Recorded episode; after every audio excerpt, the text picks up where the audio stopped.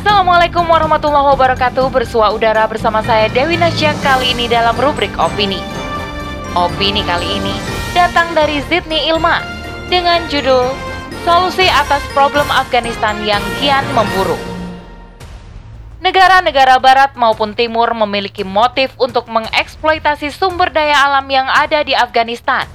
Inilah fakta yang terjadi hari ini. Negara-negara besar dalam naungan kapitalis memperebutkan sumber daya alam yang melimpah yang ada di negara-negara pengekor. Simak seutuhnya di podcast Narasi Pos Media. Narasi Pos, cerdas dalam literasi media, bijak menangkap peristiwa kunci. Pada Selasa lalu, PBB menyampaikan bahwa saat ini ada sekitar 22 juta orang yang merupakan lebih dari setengah populasi Afghanistan menghadapi kelaparan akut banyak dari mereka yang tidak memiliki makanan sama sekali untuk dimakan. Untuk mencegah bencana kemanusiaan, dibutuhkan bantuan hampir 5 miliar US dollar. Sedangkan di sisi lain, lembaga keuangan internasional telah menghentikan bantuan dana untuk Afghanistan.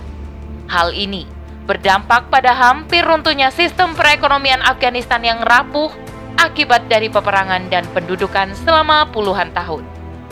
Masih dilansir dari media yang sama, yakni merdeka.com, salah seorang ibu rumah tangga berusia 32 tahun bernama Zaigul yang tinggal di Kem Nasaji, yakni kem untuk pengungsi dalam negeri yang berada di dekat ibu kota Kabul, menjelaskan bahwa sebelum Taliban mengambil alih kekuasaan pada 15 Agustus lalu, hidup memang telah sulit.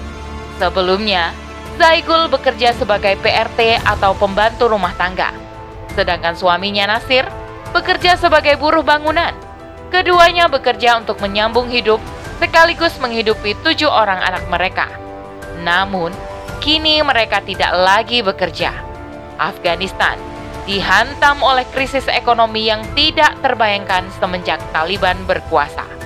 Para pegawai negeri tidak digaji selama berbulan-bulan, bahkan bank-bank sampai kehabisan uang tunai diberhentikan dari pekerjaan nyatanya tidak hanya dialami oleh Zaigul dan suaminya. Begitu banyak pasangan lainnya yang mengalami hal serupa. Hal ini diakibatkan karena krisis ekonomi yang terjadi, sehingga banyak proyek bangunan yang dihentikan serta banyak keluarga yang tidak mampu lagi untuk membayar gaji pembantu rumah tangga. Akibatnya, banyak pasangan suami istri yang kini menganggur. Tak heran jika banyak yang mengalami kelaparan. Hal inilah yang menjadi pemicu para keluarga mengantri pembagian roti gratis di sebuah toko kue di ibu kota Kabul. Namun, toko kue tersebut kini mengeluhkan kurangnya pasokan makanan. Orang sudah kehilangan pekerjaan dan mereka tidak punya pendapatan.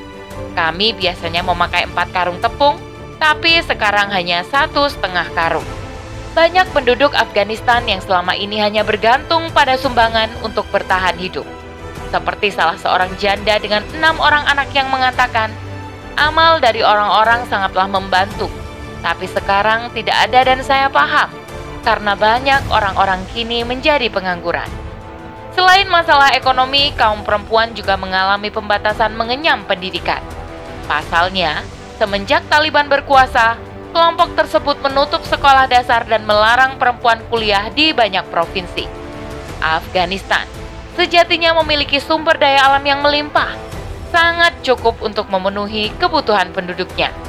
Namun, kini negeri tersebut justru dijuluki dengan negeri seribu satu masalah.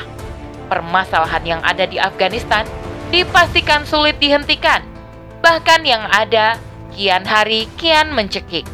Padahal, Potensi kekayaan alam Afghanistan jika dikelola dengan benar akan membuat negara ini menjadi salah satu negara kaya. Sangat disayangkan, justru penduduk asli Afghanistan sendiri yang mengalami kesulitan hidup selama ini. Setelah Amerika Serikat mundur cantik dan Taliban berkuasa, tidak lantas membuat Afghanistan menghela nafas menikmati kekayaan negerinya. Justru, keadaan semakin memburuk Afghanistan menjadi incaran negara kapitalis lainnya seperti Cina dan Rusia. Pada bulan Juli lalu, kota Beijing sendiri telah menjangkau kepemimpinan Taliban.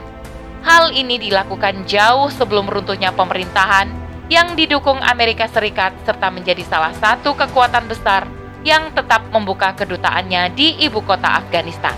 Begitu pula dengan Rusia, Iran, dan Pakistan yang telah membuka kedutaan mereka dan berkomunikasi langsung dengan perwakilan Taliban.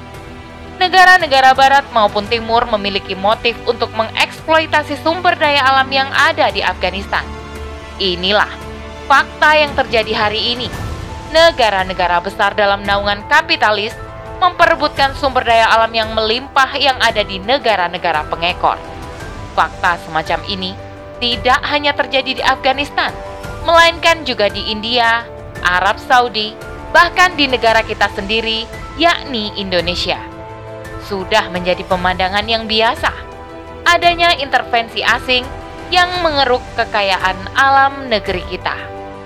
Semenjak Taliban menguasai Afghanistan, pemerintahannya mulai memberlakukan sebagian hukum-hukum Islam, di antaranya hukum potong tangan kaki, hukum cambuk, serta hukum tembak mati bagi pembunuh. Hal ini dilakukan agar penduduk Afghanistan tidak ada yang berani melakukan kejahatan. Benar saja, penduduk Afghanistan memang tidak ada yang berani melakukan kejahatan. Namun, di sisi lain sumber daya alam Afghanistan dikeruk habis oleh imperialis barat serta timur dan mengakibatkan krisis kelaparan. Tentu, kita masih ingat perjanjian damai antara Taliban dan Amerika Serikat yang ditandatangani pada 29 Februari 2020 di Doha, Qatar.